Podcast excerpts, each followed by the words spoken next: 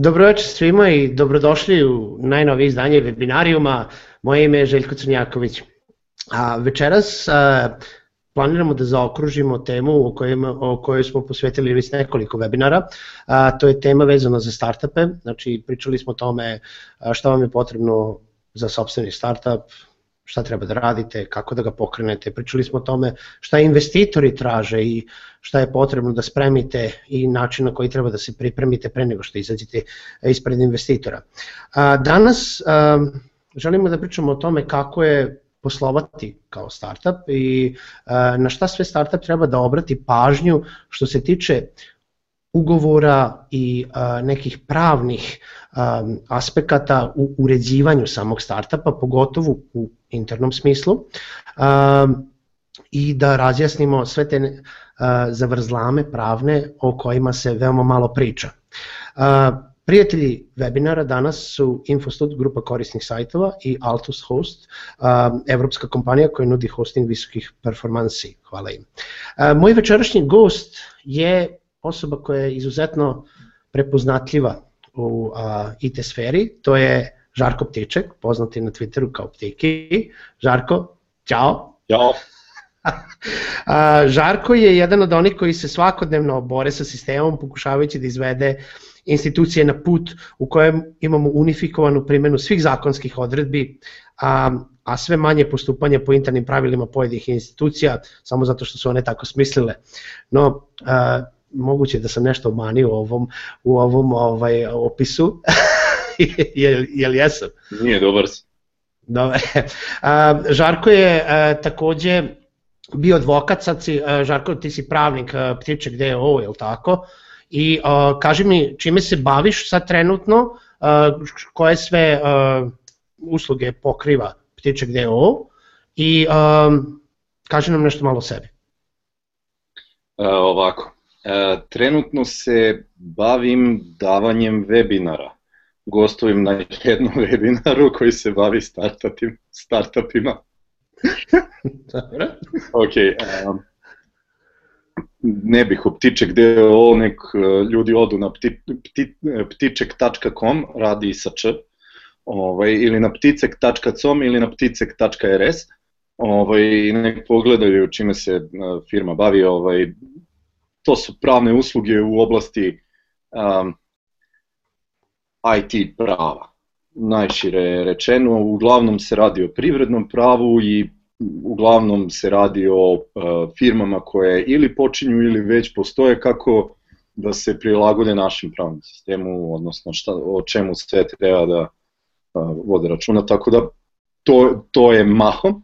Ono što radim dobar deo, ovaj, uključen sam u samu legislativu dakle, u nastajanje zakona, ponekad me pozovu ovaj, e, da pomognem onima kojima pomoć znači, ne kojima pomoć treba, nego kojima pomoć znači, e, iz države ko prepozna da možda mogu da doprinesem, on me pozove, ja tu kažem par, tri, četiri stvarčice koje treba, ovaj, e, koje su bitne i na taj način pokušavam da dam maksimum uticanja na legislativu. Naravno, ne, ne pišem ja zakone, zakone donosi Skupština, odnosno parlament, ovaj, takvi su kakvi su, ali ja, ono što ja utičem, ovaj, odnosno ljudi koji dolaze i traže usluge kod tičeg DOA je a, da se zakoni ispoštuju.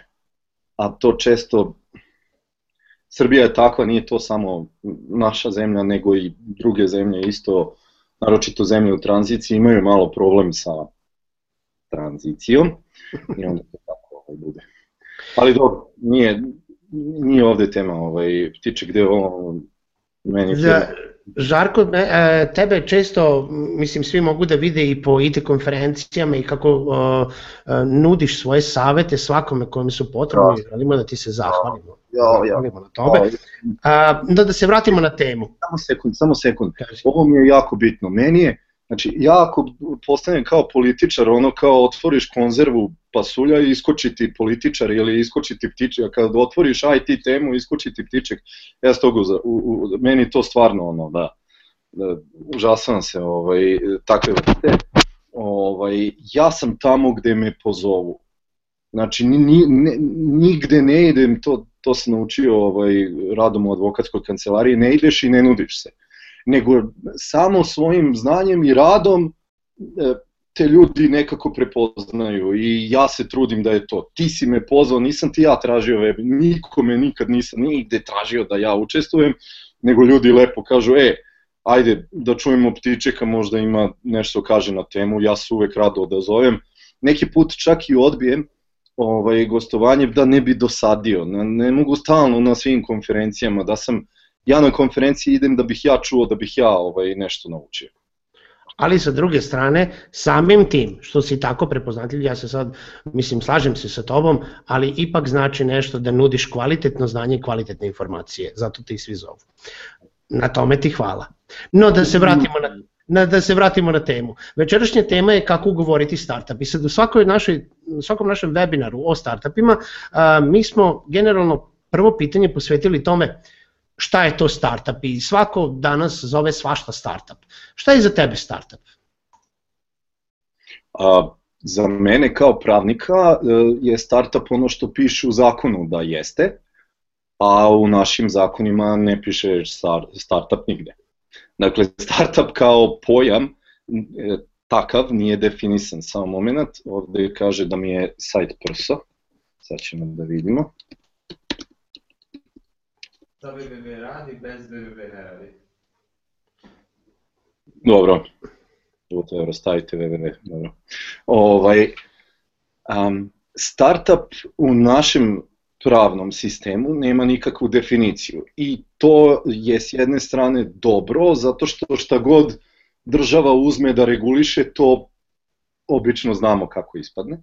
Sa druge strane loše zato što svako može da kaže evo ja otvaram pekaru gde prodajem burek od šargarepe i to je moj startup.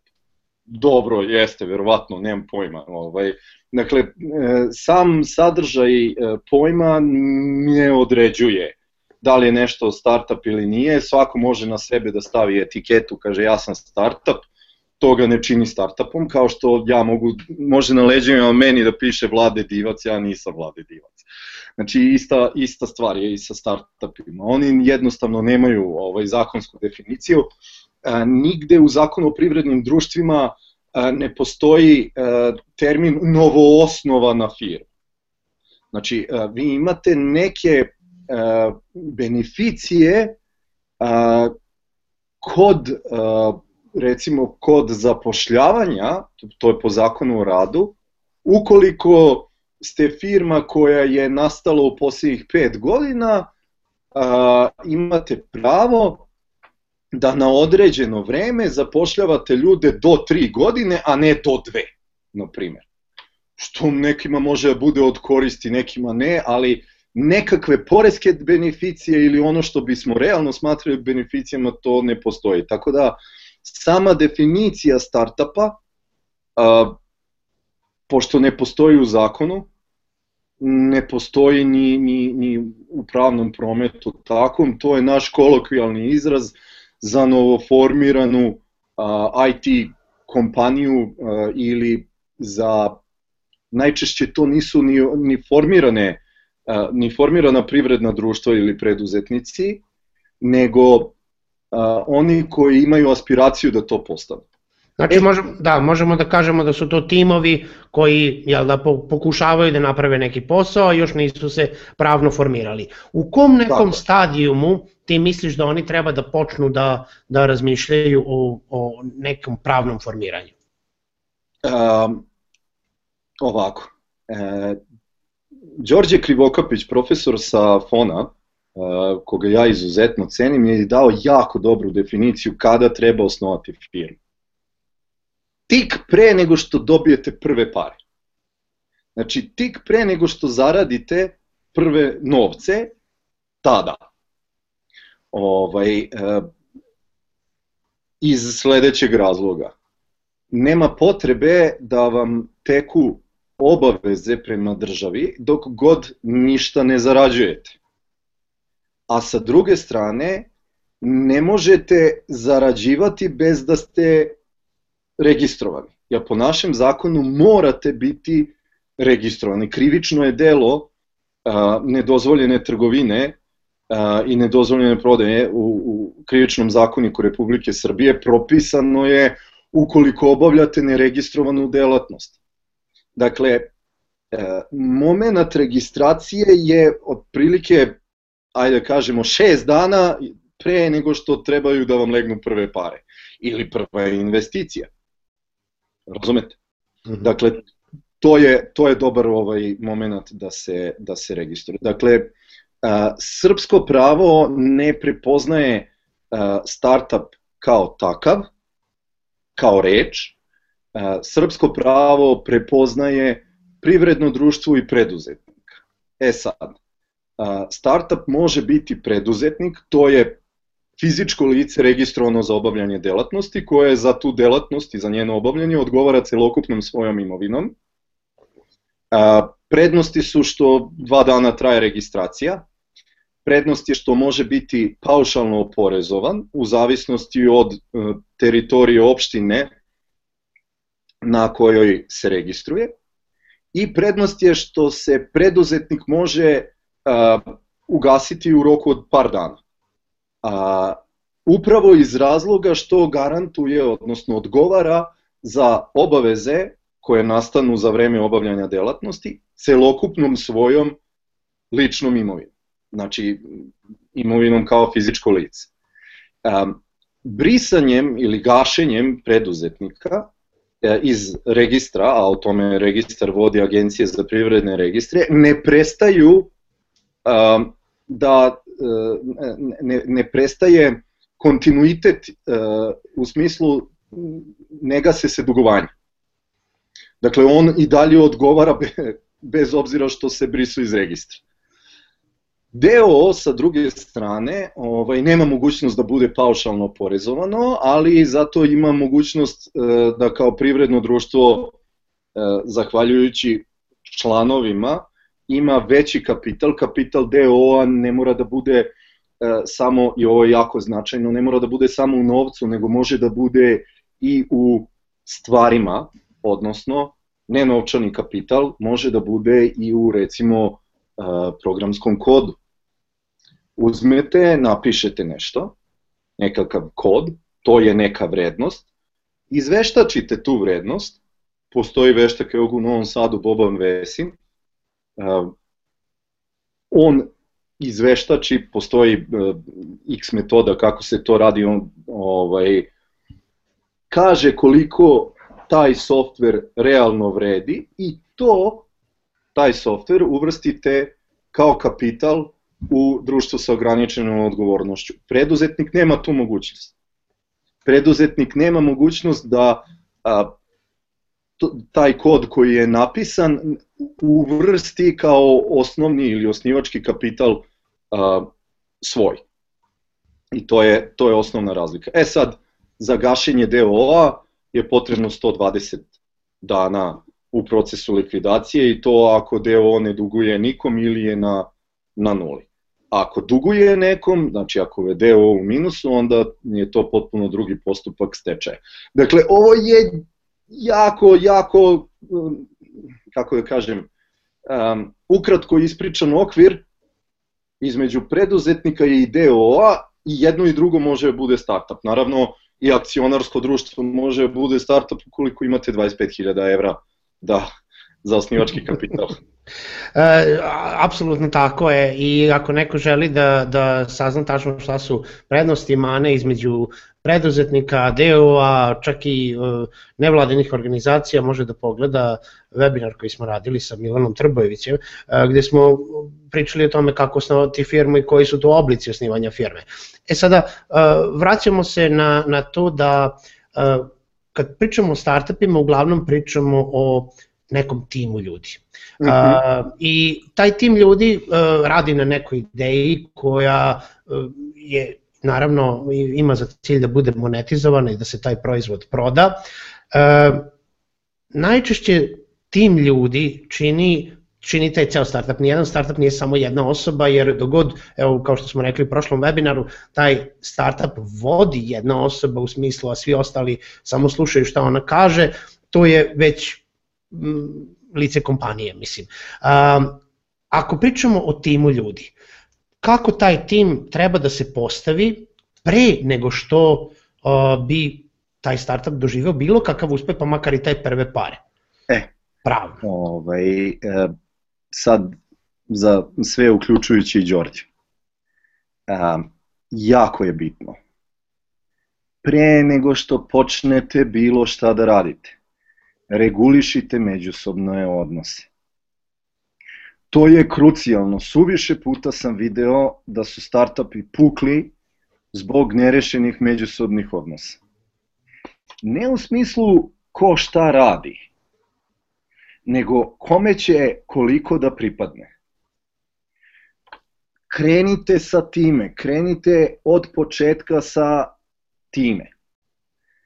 Stavite na papir. Ok? E sad, postoje nekoliko, nekoliko pravno potpuno validnih načina da se to uradi. Um, ukoliko je startup um, autorsko delo, ukoliko imate nekoliko programera koji rade na istoj stvari zajednički, a, mogu da zaključe ugovor oko autorskom delu.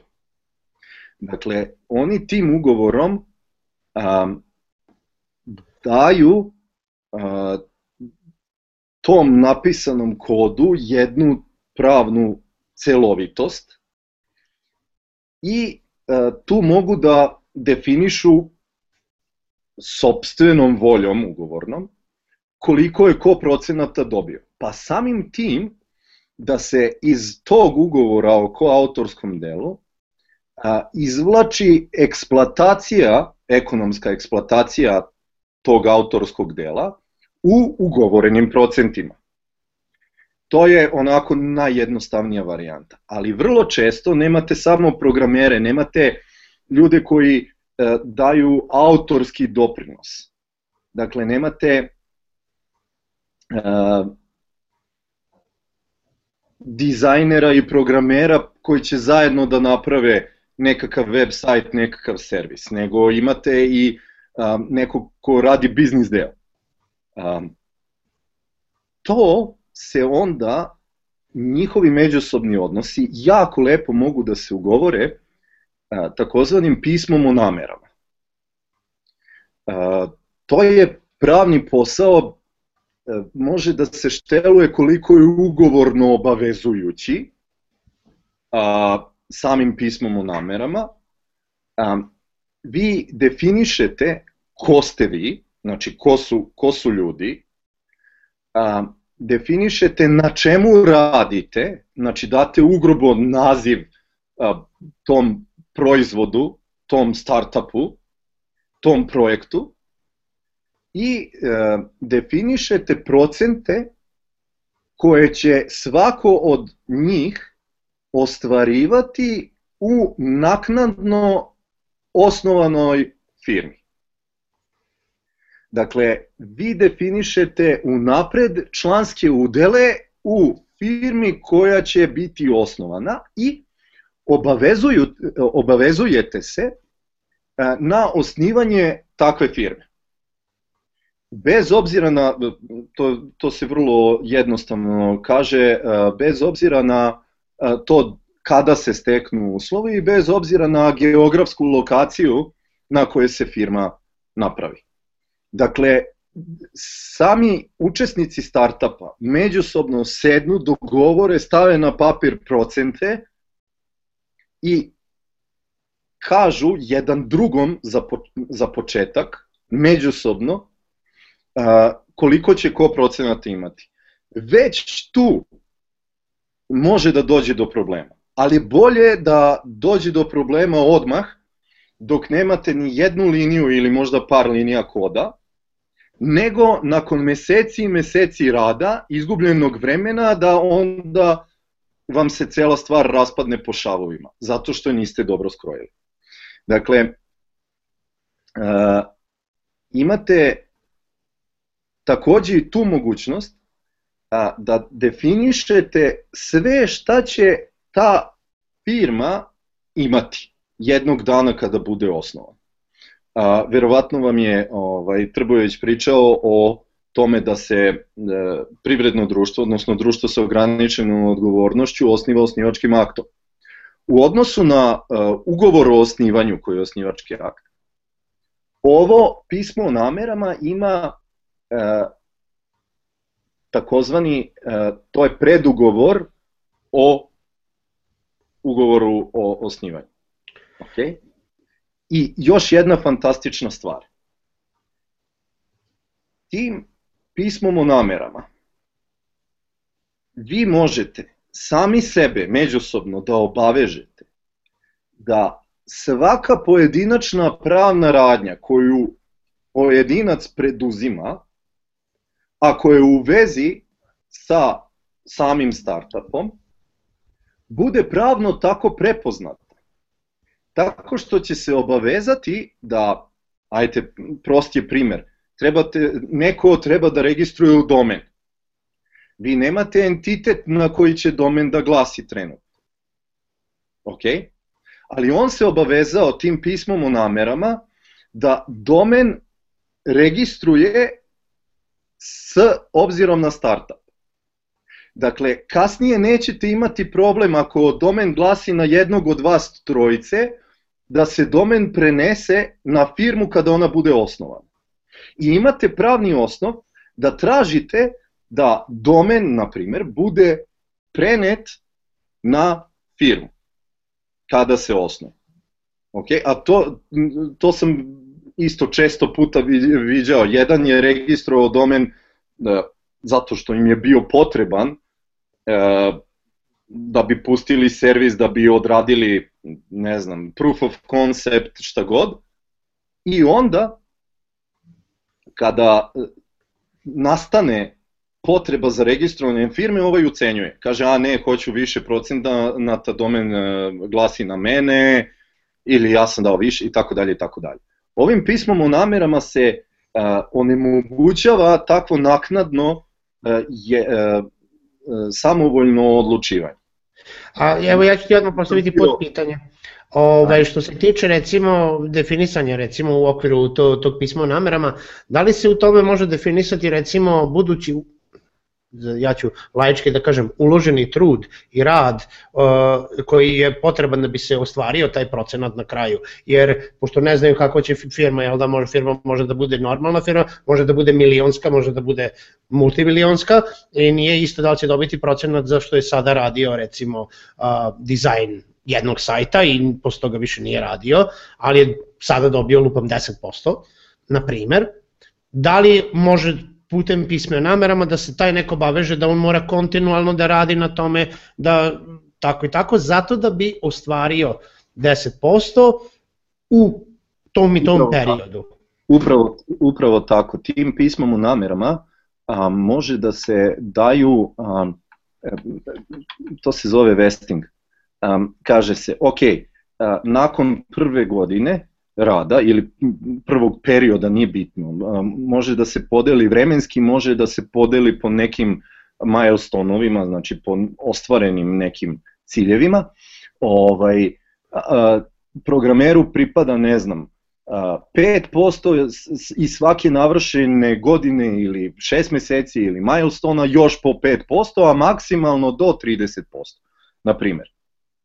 E, I to možete da ugovorite i to je fantastično i to proizvodi pravno dejstvo zato što je to ugovor.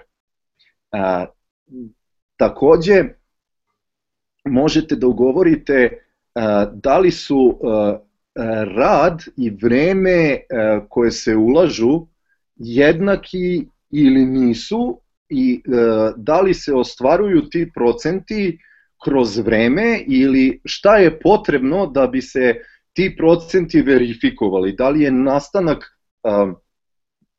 da li je sticanje samih procenata dovoljno da protekne vreme ili trebaju ostali da se saglase i tako dalje. Znači, imate potpunu slobodu da sve ono što, o čemu biste inače pričali dok sedite u kafiću ili gde god sedite kada ugovarate startup, da to isto uradite, samo treba stavite na papir.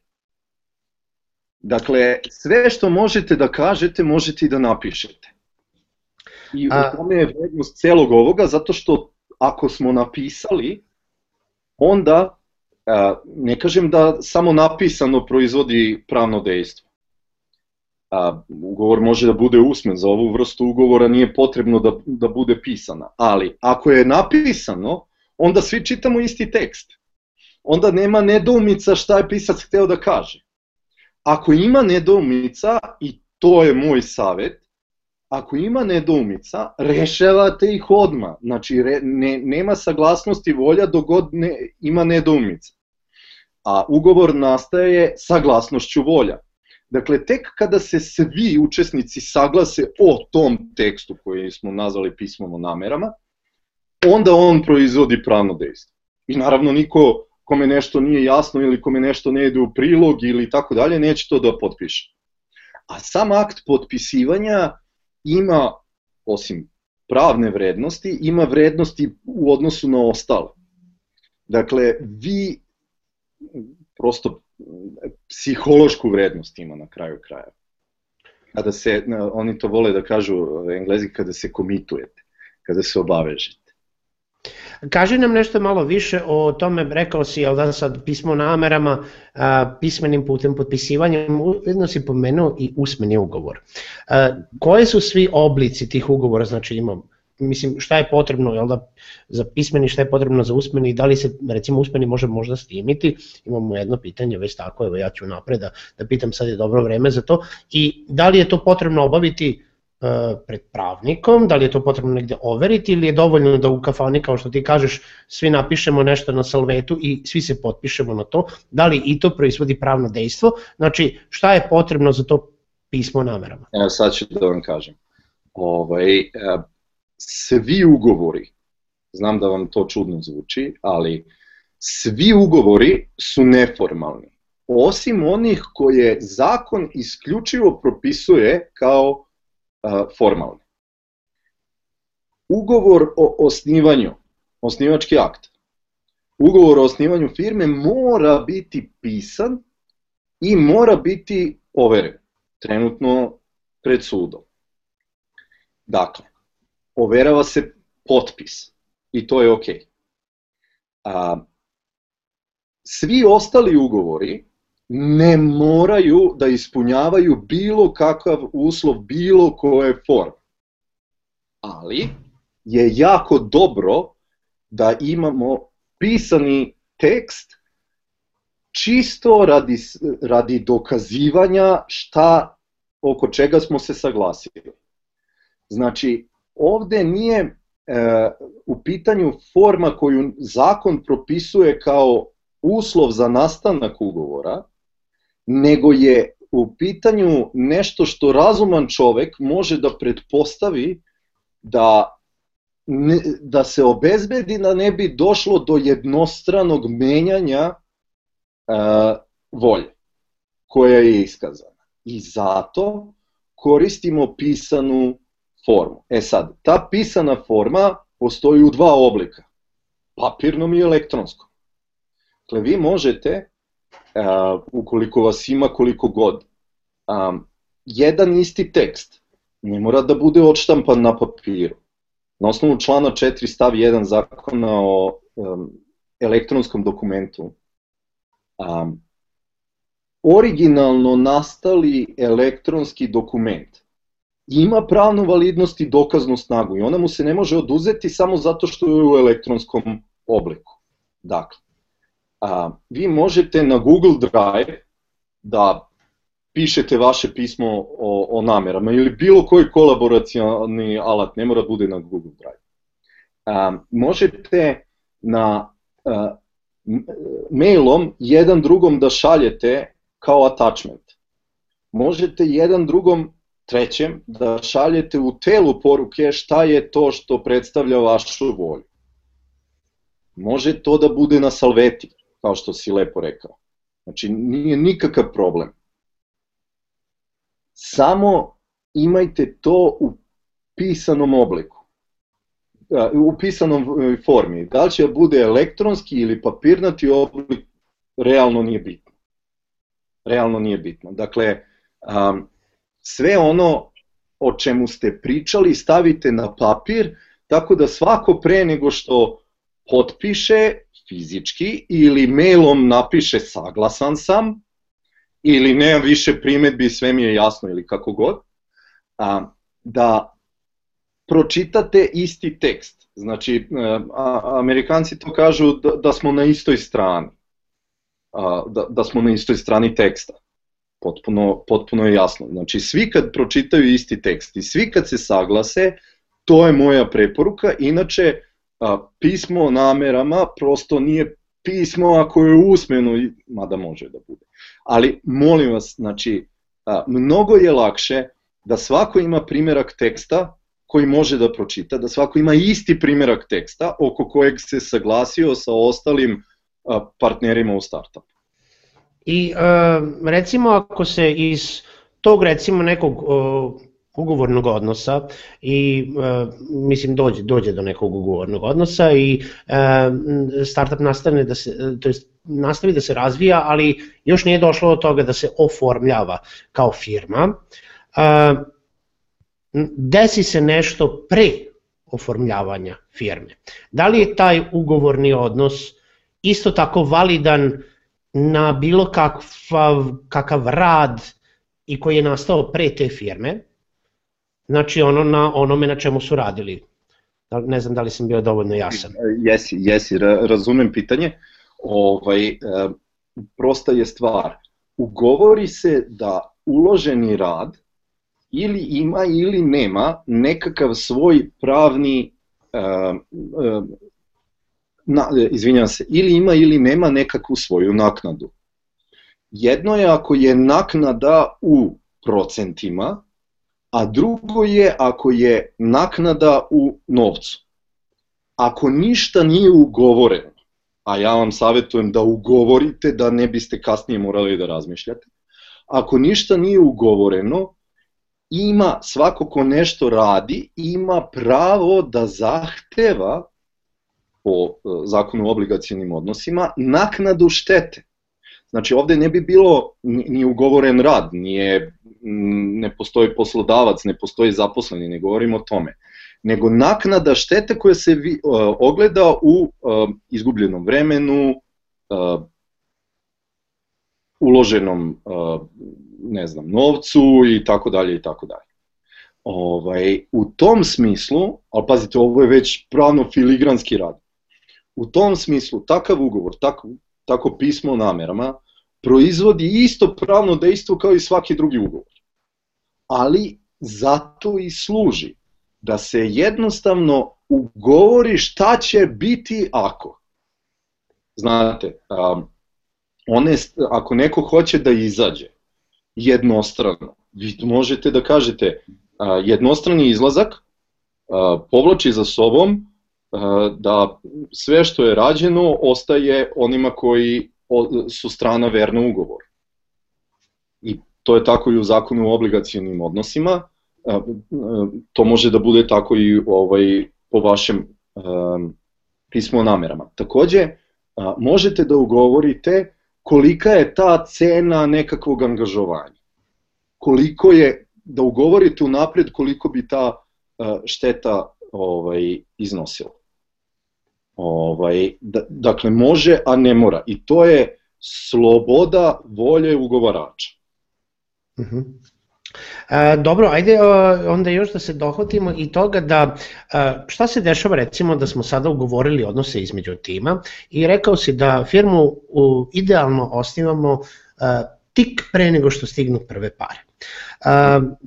Na dosta kada smo pričali ranije i sa investitorima i sa ljudima koji su savjetovali vezano kako za startup, naravno da znamo da mi pravno ne možemo da zaradimo nikakve pare vezane, mislim, što se tiče legalno u Srbiji, dok god nismo pravno uh, osnovali firmu. E sada, uh, često pričamo o tome da je bitna stavka da počnemo nekako da radimo da bi mi uznali, u stvari znali da uopšte imamo, imamo taj neki uspeh kao startup, da imamo neki potencijal. Da li postoje neki načini ugovaranja sa trećim licima pre nego što smo osnovali pravnu firmu? Odlično. Potencijalnim klijentima, mislim, recimo. Ovaj, to je odlično pitanje i uh, ja sam ti spomenuo. Um, onaj deo koji se odnosi na to da je svako dužan da u nastupu sa prema trećim licima uh, ugovara s obzirom na pismo o namerama. Dakle, ako registruje domen, da to radi s obzirom na pismo o namerama. To neće e, pisati u registraciji domena, to mu piše u pismu o namerama. A, svako od, hajde tako da kažem, članova startupa može da prema trećem licu nastupa da li će da zakupi hosting ili će da pregovara sa investitorom ili šta god da radi. Šta god da radi. U pismu o namerama se on obavezuje da to radi u najboljem interesu uh, samog startupa. U najboljem interesu ostvarenja ovog programa ili projekta na, na kojem je angažan. Okay? Uh, mislim da sam ti odgovorio na pitanje. Ovaj, um, recimo da ima nas trojica i da treba da angažujemo uh, UX dizajner. I uh, UX dizajner kaže, ok, ovo je meni, ne znam, dva dana posla, ovaj, ja hoću da mi platite x krompira, nebitno, ovaj, i uh, bilo ko od nas trojice može da zaključi ugovor sa UX dizajnerom i da mu da u tom ugovoru piše da se ugovor sa UX dizajnerom zaključuje s obzirom na pismo o namerama od tad i tad. Jako bitna stvar. Jako bitna stvar. E, zašto se sve ovo radi? Jednoga dana doći će investitor, hteće da uloži, ili još bolje, vi ćete imati razvijen biznis, neko će hteti da ga kupi. Za velike pare, nadajmo se. Taj koji će da kupi ili investira, odradit će takozvani due diligence. Znači, tražit će od, da vidi i sa pravnog aspekta kako vaša kompanija stoji. Kompanija ili buduća kompanija, sve jedno. I tražit će da vidi odakle vama sve to što tvrdite da imate. I ovde dolazimo do krucijalne stvari. Vi onda možete da, pre, da prezentujete advokatskoj kancelariji a, koja radi due diligence. Evo ga, ovo je naše pismo o namerama, S obzirom na to pismo namerama registrovan je ovaj domen, zakupljen je ovaj hosting, angažovan je ovaj UX dizajner, plaćeno mu je toliko i toliko, autorska prava na UX su preneta na nas. Mi smo dana tog i tog zaključili ugovor a, o osnivanju recimo društva s ograničenom odgovornošću, onda smo na njega preneli sve ovo što smo radili i postoji neprekinut lanac pravno neprekinut lanac svih događaja i svih prava koje ste vi kao firma, kao startup stekli. I neko ko daje vama pare, bilo kroz investiciju, bilo kroz kupovinu celog, može da vidi šta kupuje. Sve mu je definisano sve mu je napisano i sve je neprekinuto i on kaže ok, ovo je zaokružena slika. A, njih trojice su se dogovorili, ovo su procenti, ne znam, ova je izašao pod tim i tim uslovima, ne preti mi opasnost da budem tužen zbog toga i tako dalje i tako dalje. Angažovan je dizajner, dizajner je plaćen, a, zakupljeni hosting, hosting je prebačen, dakle cela slika, ceo servis, sve, ceo startup je jednostavno pravno zaokružen i to svako može da pročita. E, u tome je dodatna vrednost, a neki put je jedina vrednost a, koju startup ima. Jer znate, kada uh, investitor ili kupac startupa dođe uh, i pogleda, kaže, vidi domen glasi na jednog, uh, hosting na drugog, ne zna se odakle potiče ta baza na kojoj takođe postoje prava intelektualne svojine. Vidi se da je neko radio dizajn, on ne zna da li je taj dizajner plaćen ili nije. On jednostavno pred sobom ima potpuno nerešene pravne odnose koji njemu možda to nije ništa strašno, ali on gleda da li će od nekud da dođe da, e, e, mogućnost za spor. On gleda da li kupuje firmu za okruženu ili kupuje potencijalno pravno minsko polje. Samo, samo kratak, kratka dopuna pitanja i kada sam pitao isto sam na to mislio, a, pričao si o trećim licima na primjer koliko zapošljavamo nekoga da radi opet za nas. Da li možemo da ugovorimo budući posao kao startup sa potencijalnim klijentom koji kupuje naše usluge ili proizvode pre nego što ovaj, smo oformili pravnu firmu? Možete. Možete. Iako, Može. Na, pretpostavljam da jedini, jedini uslov je da ne, ono, ne dobijemo pare pre nego što dobijemo, pre nego što oformimo firmu. Tako, znači, uh, možete, uh, to, to se zove predugovor. Predugovor je uh, ugovor o zaključenju ugovora. I vi kao startup, kao neko ko ima pismo o namerama, možete da ugovorite bilo šta s pozivanjem na to pismo o namerama, recimo. Dakle, možete da ugovorite sa buduću saradnju sa e, firmom koja već postoji i to da bude ta buduća saradnja između te postojeće firme i vaše buduće firme, na primjer. Može bez problema. Pazite, negde kao startup morate da ugovorite kao nepostojeća firma kojom se traži proof of concept, morate imati registrovan domen, morate imati hosting. Prosto ako ste IT startup, to morate da imate.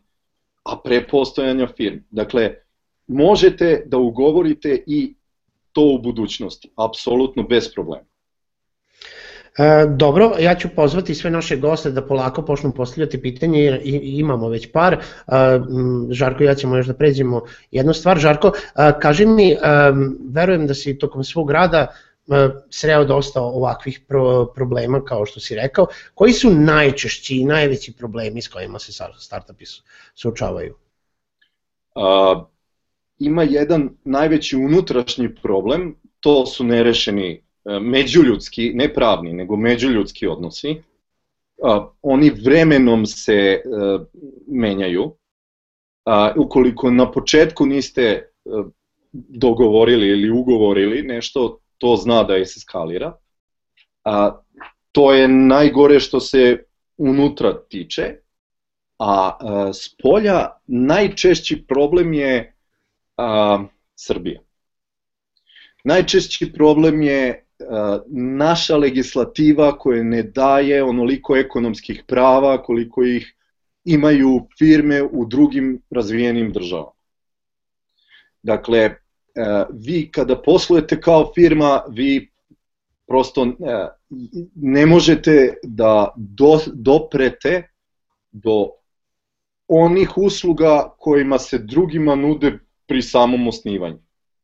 Uh, usluga naplate kreditnim karticama, katastrofa. Ako ste ako ste startup koji se bavi E, izvozom fizičkih stvari, znači telesnih stvari, a ne bestelesnih stvari. Um, imate problem sa carinom, imate problem sa razumevanjem povraćaja robe, da to nije uh, uvoz ponovni, nego, nego da je to, po, znači, um, nažalost, naša zemlja, naše pravo ne, ne, ne omogućava toliko ekonomskih sloboda koliko ih imaju firme iz drugih zemalja.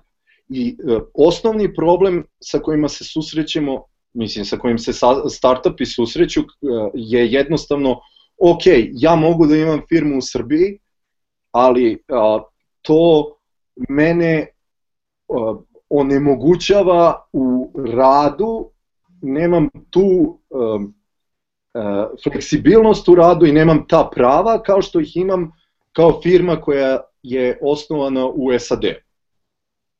Razumete? A kaži nam, da li firme osnovane u Srbiji mogu da funkcionišu u poslovanju sa inostranstvom. Ovako, kao početne firme. Ne velike firme koje su već na ovaj... Pazite, jako je bitno, nema velikih i malih firmi. Ima samo mogućnosti i nemogućnosti. A ako se vaš biznis model um, nebitno kolika ste firma. Znači, možete da ste firma veličine, ne znam, prometa koliko god. A, ako vi imate problem da objasnite sobstvenom bankaru da povlačite sredstva sa strane institucije plaćanja, um, od 100 dolara od kojih je faktički uplaćen e, dolar po dolar od 100 ljudi, A, ako sa time imate problem, onda je potpuno nebitno da li, da li ste ovde firma koja postoji a, 3 dana ili 30 godina. Dobro, ne može 30, ali nije bitno. Ovaj, znači, imate, ima, imate taj, taj problem, imaju svi.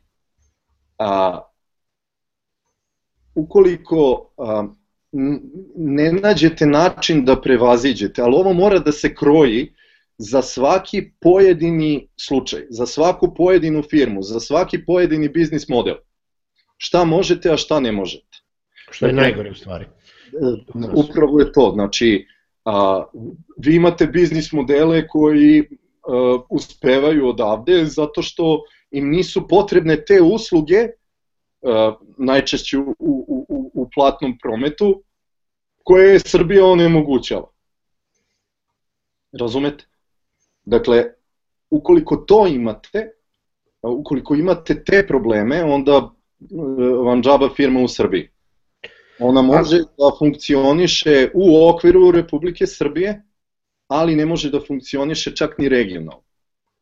Sa druge strane, ako je vaš biznis model takav da nemate te probleme, onda ne, ok, može, može da funkcioniše ovaj, e, bez obzira na, na to. I kratko samo, šta misliš koja su rešenja tih problema? Da li je rešenje u... Uh, da li, da li problem leži samo u uh, uh, platnom prometu, da li leži u poreskom sistemu, da li PayPal nešto znači to što su sad počeli da kao funkcionišu u Srbiji, šta, će, šta će dovesti do tih rešenja ili na koji način treba da se nastavi u Srbiji? Ovaj, e, pa, odlično pitanje, hvala ti da si rekao uh, kratko, ne, krat, kratak odgovor na ono kao e, tako pitanje ne postoji. Najkraći odgovor je pojedinačne firme koje ne mogu da posluju u Srbiji, one jednostavno prosto i jednostavno registruju se negde drugde i funkcionišu odatle. A, rešenje problema a, jeste a, izmena poreskog sistema, ali to je samo jedno od rešenja. Takođe, e, to se neće desiti u narednih dosta godina, sasvim sigurno, ali to nije krucijalno. Jedno od rešenja je da se, ajde to možda nije ovaj popularan put, ali da isterate e, prava koja vam pripadaju bez obzira na sve e, prepreke. Znači, ukoliko zakonom nešto nije izričito zabranjeno, to je dozvoljeno. Bez obzira kako ga pojedini carinski, porezki službenik, inspektor, šta god, e, shvatao i tumačio. Jednostavno, ako, ako to vama treba, neko, neko pravo i neko vas onemogućava u ostvarivanju tog prava, a vi uzmite i izborite se da ga ostvarite. E, neko e, ostane ovde i bori se, e, izvanredan primer za, za to vam je Darko Vidić i Green Design. Čovek jednostavno neće da ide u inostranstvo jer hoće odavde da radi. Ja ne znam većeg patriota od Darka Vidića. A, sa druge strane imate one koji a,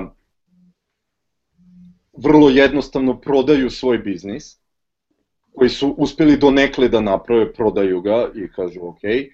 Um, I imate treće koje kažu šta problem, ok, gasim ovde, nemam više posla sa Srbijom, registrujem se u inostranstvu i doviđenje, ne, ne, ne, neću se raspravljati, ne, neću da vam objašnjavam, postoji država u kojoj je ovo već sve objašnjeno i gde ja ne moram da se maltretiram i gde mene ne maltretiraju i koje ta država jako voli moje pare od poreza i evo njoj, a vi ništa, do, dobro, e.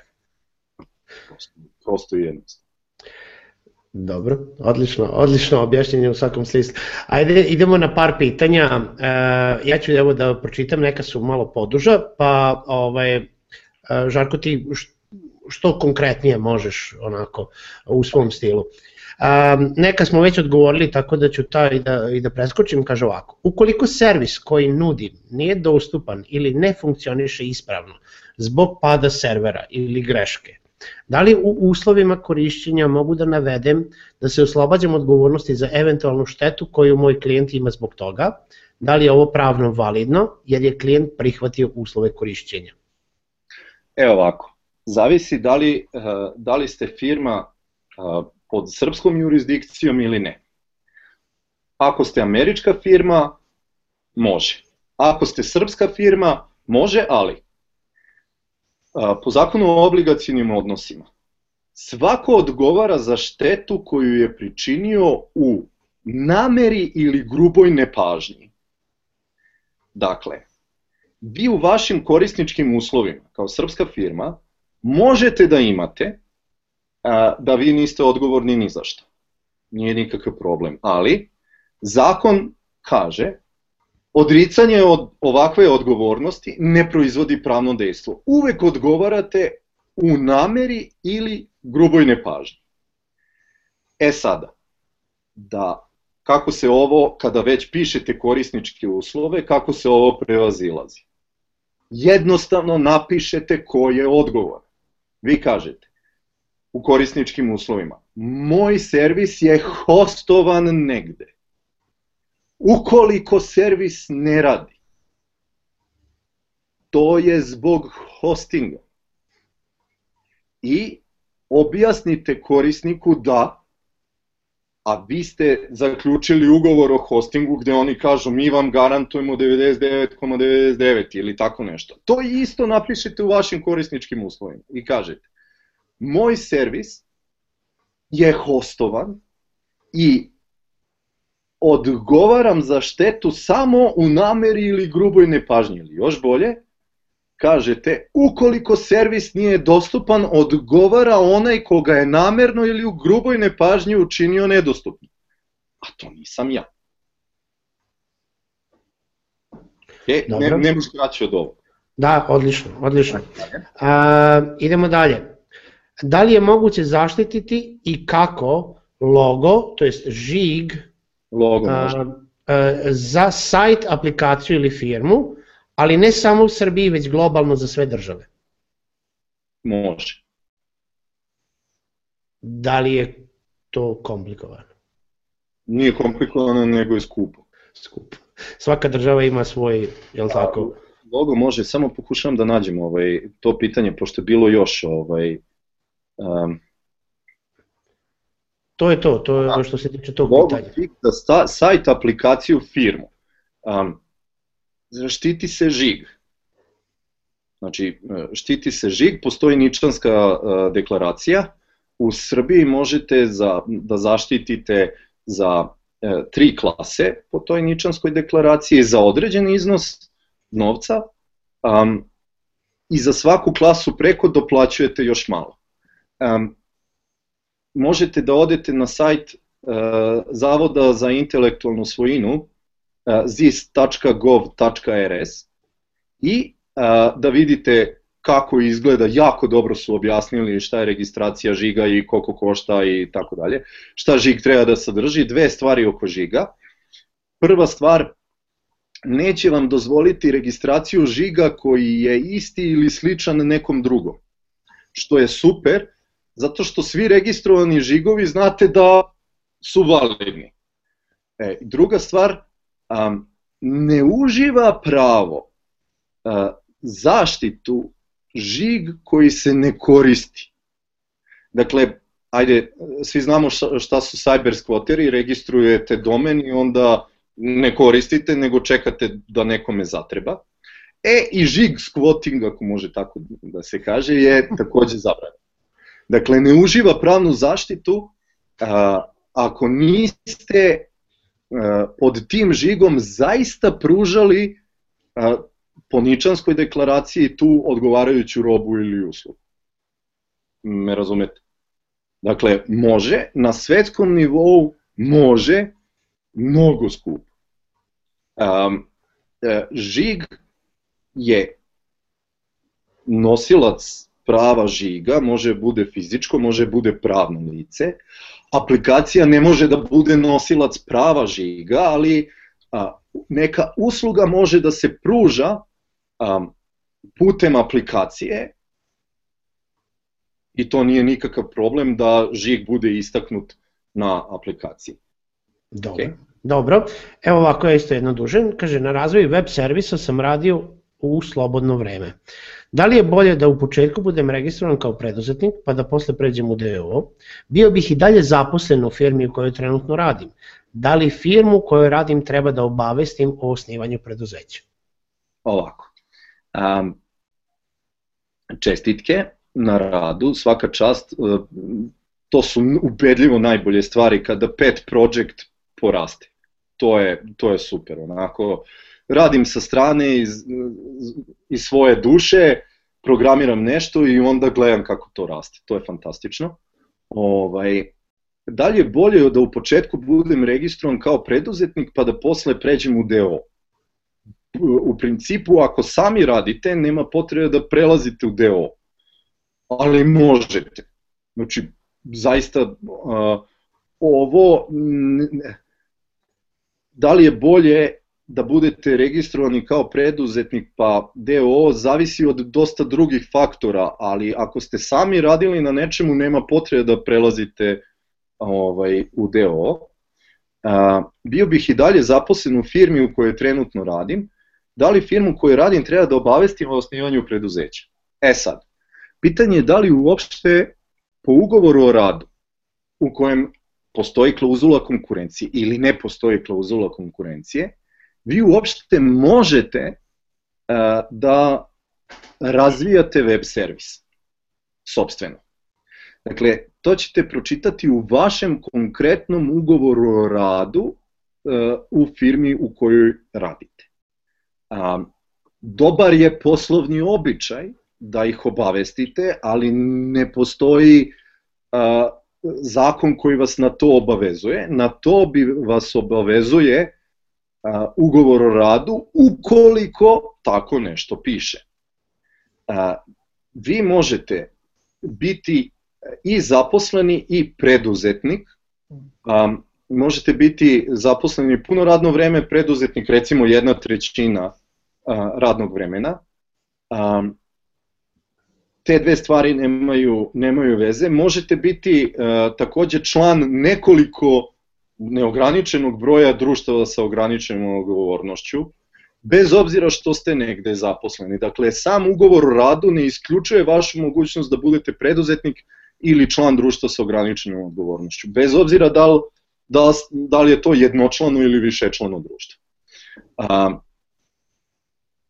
zavisi od konkretnog slučaja šta vam piše ugovor o radu, kakva je ta klauzula konkurencije. Još jedna stvar jako bitna, neki ljudi kada krenu sami da rade, uh, veruju u sebe, daju otkaz na ovom što zovu dnevnom poslu ili redovnom poslu.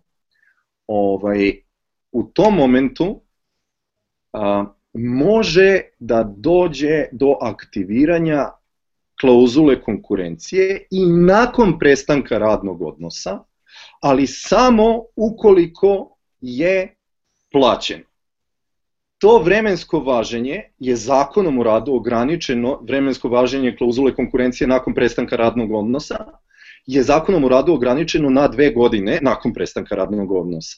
Ali zakon propisuje uslov da te dve godine moraju biti plaćene. Ono što zakon ne propisuje je iznos koji e, vam se mora platiti. Okay? Dakle, klauzula konkurencije nakon prestanka radnog odnosa otpada ukoliko nije plaćena.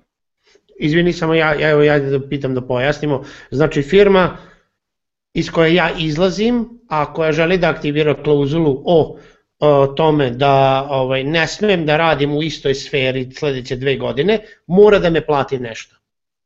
Ona, ta firma. Ne bilo ko da ja dobijam platu od nekoga, ono u tom smislu, nego baš ona mora da da neki iznos koji nije definisan. Uh, upravo tako i ta firma ne može to da uradi tek odjednom, nego ili mora da vam piše već ugovoru o radu, ili mora da aneksira ugovor o radu koji prosto ako nema saglasnosti volja ne može da aneksira. Dakle, ta firma u kojoj radite mora da vam plati bilo koliki iznos ugovoreni, ukoliko želi da aktivira klauzulu konkurencije nakon prestanka radnog odnosa, koji period ne može biti duži od dve godine. Dobro. Idemo dalje. Kako se može konvertovati DOO u incorporated? Nemam pojem. Zato što naše, ovaj, naše pravo ne poznaje incorporated. Šta misliš o estonskom e-državljanstvu i osnivanju srpske firme tamo? Ne može se srpska firma osnovati u Estoniji. Uh, pošto je pod navodnicima bilo, pretpostavljam da je ovaj, neko mislio da dobije e, elektronsko državljanstvo, to je ono tipa državljanstvo i da, jel da osnoje firmu preko interneta u Estoniji. Kad osnuje firmu u Estoniji, to je estonska firma. I primenjuje se estonsko pravo i mislim da je to super ako neko um, može odande da posluje i Estonija je poznata kao jedna od zemalja koja je najranije krenula uh, sa e-sve, ovaj, naravno Estonija deset puta manje od Srbije i dosta im je lako da neke stvari ovaj naprave. Ovaj, um, prosto seli ljudi i dogovorili se. Ovaj, takođe, ne, ne, ne znam... Evo nastavak, nastavak pitanja ide. Uh, koji su najčešći zaobilazni putevi za probleme sa našim sistemom? Kakva su tvoje iskustva ili kakva su iskustva sa firmama osnovanim u zemljama koje pružaju stimulacije za IT kao na primjer Estonija, Bugarska, SAD, Hong Kong i kako se reguliše saradnja sa našom firmom ili odeljenjem ovde? Uh, samo da, da, da prođem, da probam ovaj, da nađem. Ovako. E, ja radim, ja pružam usluge po srpskom pravu. Ja mogu da vam prenesem iskustva onih koji su osnovali firme negde drugde, ali ja nisam osnivao firme negde. Posredno jesam, ali prosto primenjuju se ta različita prava neke države daju podsticaje, neke ne, neke, kako da kažem, neke imaju to otvoreno, neke, neke države investitori vole, nekima je to uslov za investiciju i tako dalje. Bojim se da nisam adresa za odgovor kako funkcioniše bugarsko pravo, jer ga nikad nisam učio. Ovo što imam posredno dodira sa ostalim pravnim sistemima, mislim da, ono, kako kažem, uzmite pa probajte, vidite, pričajte sa nekim ko ima, ima više iskustva. Ono što ja mogu da kažem je, strane firme ovde nastupaju na nekoliko načina. Prva stvar je, zapošljavaju ljude koje rade za njih. Po ugovoru o radu te zemlje ili se primenjuje srpsko pravo, zavisi kako se ugovori. Druga stvar, strane firme ovde angažuju preduzetnike. Znači imate preduzetnike koji isključivo izvoze. Nemaju ni jednu uh, domaću fakturu. Fakturu za, za, za domaću firmu. Sve strane. Treća stvar, uh, osnivaju ogranke ili predstavništvo. Ogranak ili predstavništvo nema svojstvo pravnog lica, ali ovde zakupe prostor, imaju ugovorne odnose sa a, bilo sa ljudima koje angažuju, bilo kao preduzetnicima, bilo kao radnicima, kao zaposlenima po ugovoru o radu. Ili, treća stvar, strana firma osnuje u Srbiji ne ogranak, ne predstavništvo, nego e, svoje DO, jednočlanu DO. To jednočlano DO je ovde srpska firma i onda kroz nju rade. Dakle, to su, to su osnovni načini kako strane kompanije a, rade na srpskom ovaj, tržištu, a ono što je primetno to je, strane kompanije ovde su prisutne zbog a, angažovanja ljudi. Neću kažem zbog radne snage, jer nisu svi po ugovoru o radu, ali to je, to je način na koji neko nastupa te strane kompanije mogu, a ne moraju da budu startupi. Dobro, evo malo promena. Da li postoji način zaštite ukoliko tim koji je razvio startup postane manjinski vlasnik? Tačnije, da li postoji način da tim koji je pokrenuo startup i dalje ima uticaj u samom razvoju i odlučivanju? Postoji. Ovaj, dobar primer za to vam je, uh, koliko ja znam, Limundo. Čilimundo je dobio investiciju, ali su sačuvali um, pravo da oni odavde odlučuju. E, pazite ovo, čak i po našem zakonu o privrednim društvima, ako imate DO, a, jedno su procenti udela po osnovu kojih se ostvaruju članska prava u smislu dobiti.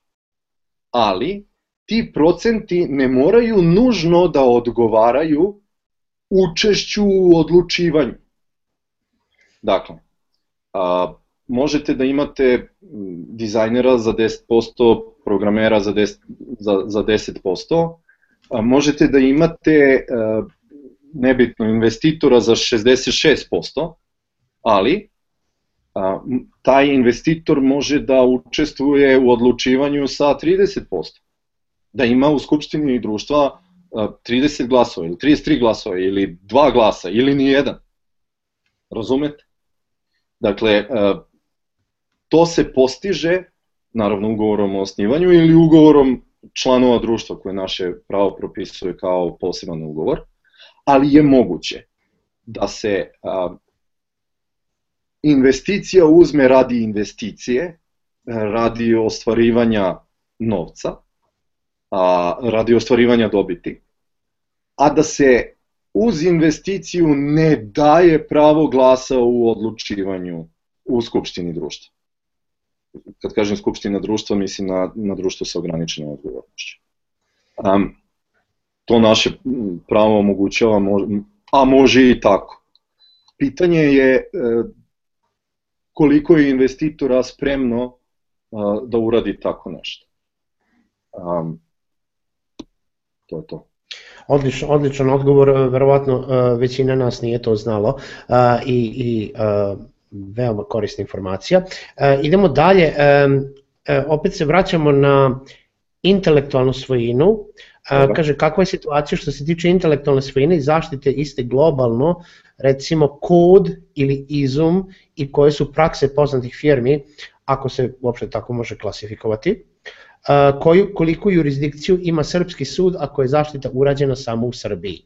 Da li je to isto kao kada radimo zaštitu za logo? Nije. E, razlika je ovaj prilično velika. Pazite ovako. Kod je uživa zaštitu po zakonu o autorskom i srodnim pravima kod, design, UX, sve. A žig po zakonu o žigu. Autor uživa autorsku pravnu zaštitu od momenta nastanka dela. Okay. Delo, autorsko delo, se nigde ne registruje. Znači, nemate zavod za intelektualnu svojinu koji bi registrovao postojanje autorskog dela ok? A, imate zakon koji eksplicitno propisuje da onog momenta kada ste delo stvorili, imate autorsko-pravnu zaštitu nad njim. Dokazivanje autorstva je potpuno druga stvar. Možete da, recimo, postavite taj kod na neki git server, gde se vidi ko je autor.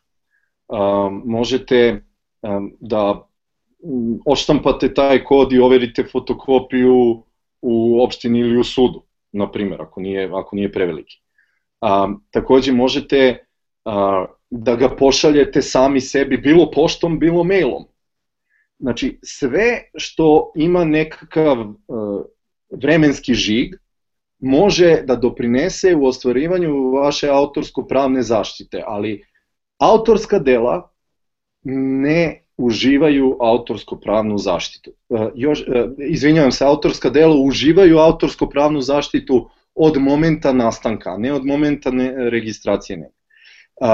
Uz ovo se vezuje pitanje da li kod može da se patentira, može, ali nema potrebe da to radite, jer zašto biste ograničili po patentnom pravu, registrovani patent uživa patentnu zaštitu 20 godina od momenta patentiranja. Nakon toga postaje opšta stvar, generalna stvar. Dok autorsko delo uživa autorsku pravnu zaštitu 70 godina po srpskom pravu, 70 godina nakon smrti autora. Zašto biste izabrali da vam nešto traje kraće kada može da traje duže?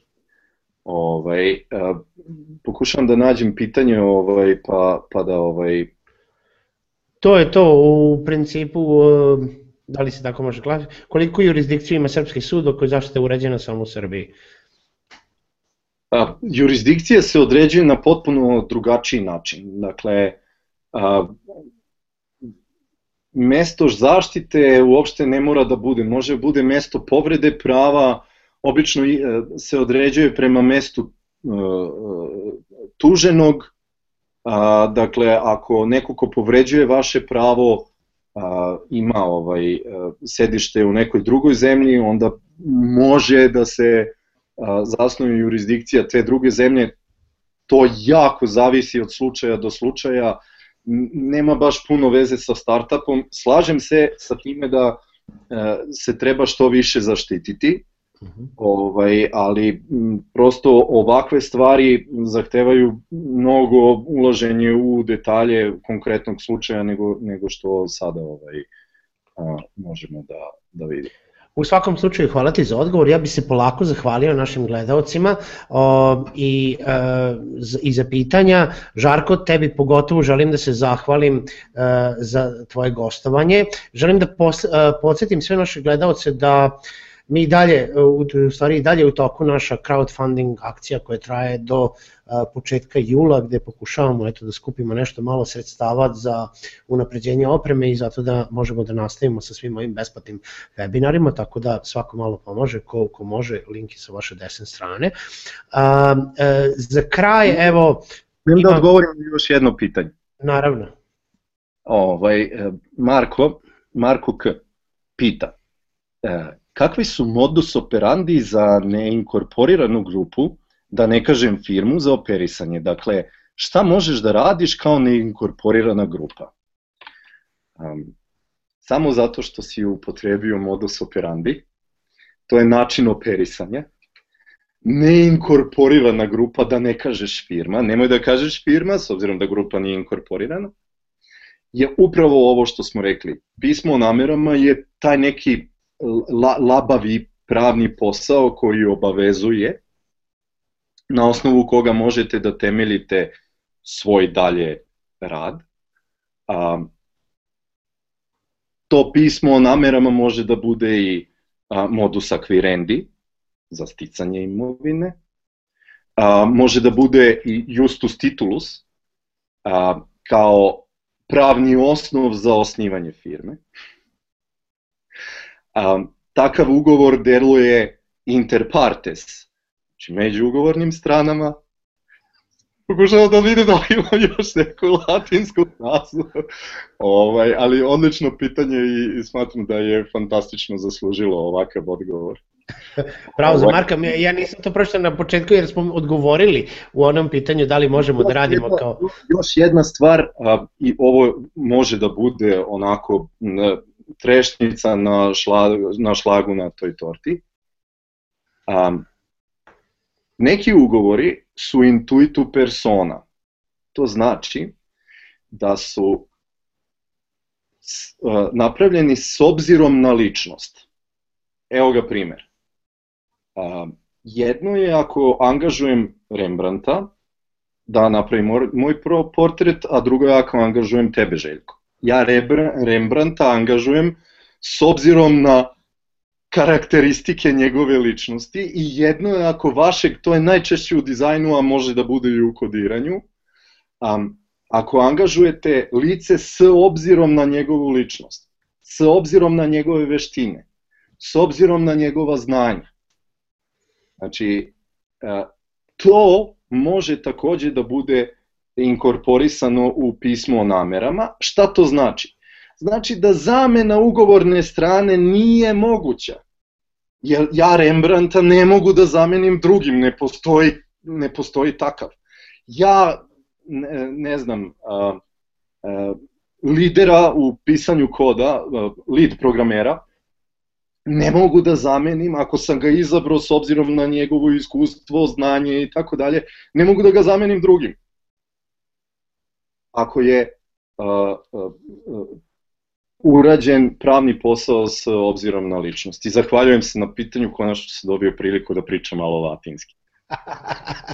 Odlično. Evo, evo za kraj, evo još jedno off-topic pitanje. Da li mogu da tužim vlasnika Vares sajta koji je poklanjamo intelektualnu svojinu Ovaj, da li si ikak imao takve slučajeve i kako se završilo? Um, hm. Svako svakog može da tuži. Um, pitanje je da li možeš da dobiješ. Ukoliko uh, možeš da dokažeš postojanje uh, prava uh, na uh, tome što on prodaje, i ukoliko ne postoji e, njegov pravni osnov da se time bavi, pretpostavljam da možeš i da dobiješ. Um, ja sam imao nekoliko takvih slučajeva. Veliku većinu sam uh, rešio van sudskim putem. To je prosto objasnite čoveku šta će da mu se desi ako se pokrene sudski spor i dogovorite se. To je daleko efikasnije nego, nego suđenje i verovali ili ne, ja nisam imao ni jedan spor u SAD-u, tako da nemam pojma. Ovaj, uh, DMCA nije, nije, nije uh, Digital Millennium Copyright Act ne potpada pod pravo Republike Srbije. Vi se možete pozvati na njega ukoliko je taj Varez sajt američki, ukoliko nije, ukoliko je srpski, ne primenjuje se DMCA jer ga je donela druga država, prosto nije, nije naš. Eto. Ali možete na drugi način da uspete u ostvarivanju vaših prava. Odlično. U svakom slučaju veoma, veoma kvalitetna pitanja, veoma kvalitetni odgovori. Svi gledalci mogu naći Žarka na Twitteru, at Psiki. Žarko uvek odgovori ili se trudi da uvek odgovori na, na sva postavljena pitanja, e, nebitno da li ga sretnete uživo ili ga kontaktirate putem društvene mreže. Žarko, puno hvala što si izdvojio vreme da budeš uh, gost u našem webinaru uh, i uh, na tematiku koju, koju smo pokrili večeras. Um, hvala vam što ste me pozvali, meni je velika čast i veliko zadovoljstvo. Nadam se da sam uh, uspeo na neka pitanja da dam da osvetlim malo tu tematiku. Nadam se da nisam prekomplikovao dok pričam a za neka pitanja se nadam da sam jako izdetaljisao i da je barem nekom potpuno sve kristalno jasno, sve šta sam rekao. U svakom slučaju... Veliko zadovoljstvo i veliki uspeh. U svakom slučaju nastavljamo razgovor ukoliko je potrebno, pitajte nas putem društvenih mreža, pitajte nas na forumu, pratite nas na putem sajta webinarium.rs, sigurni način da dobijete sve dalje obaveštenja o svakom narednom webinaru ili reprizi istoga je da se prijavite na naš newsletter i do sledećeg webinarijuma za dve nedelje ja vam želim laku noć. Žarko, puno pozdrava. Ćao svima. Ćao, doviđenja.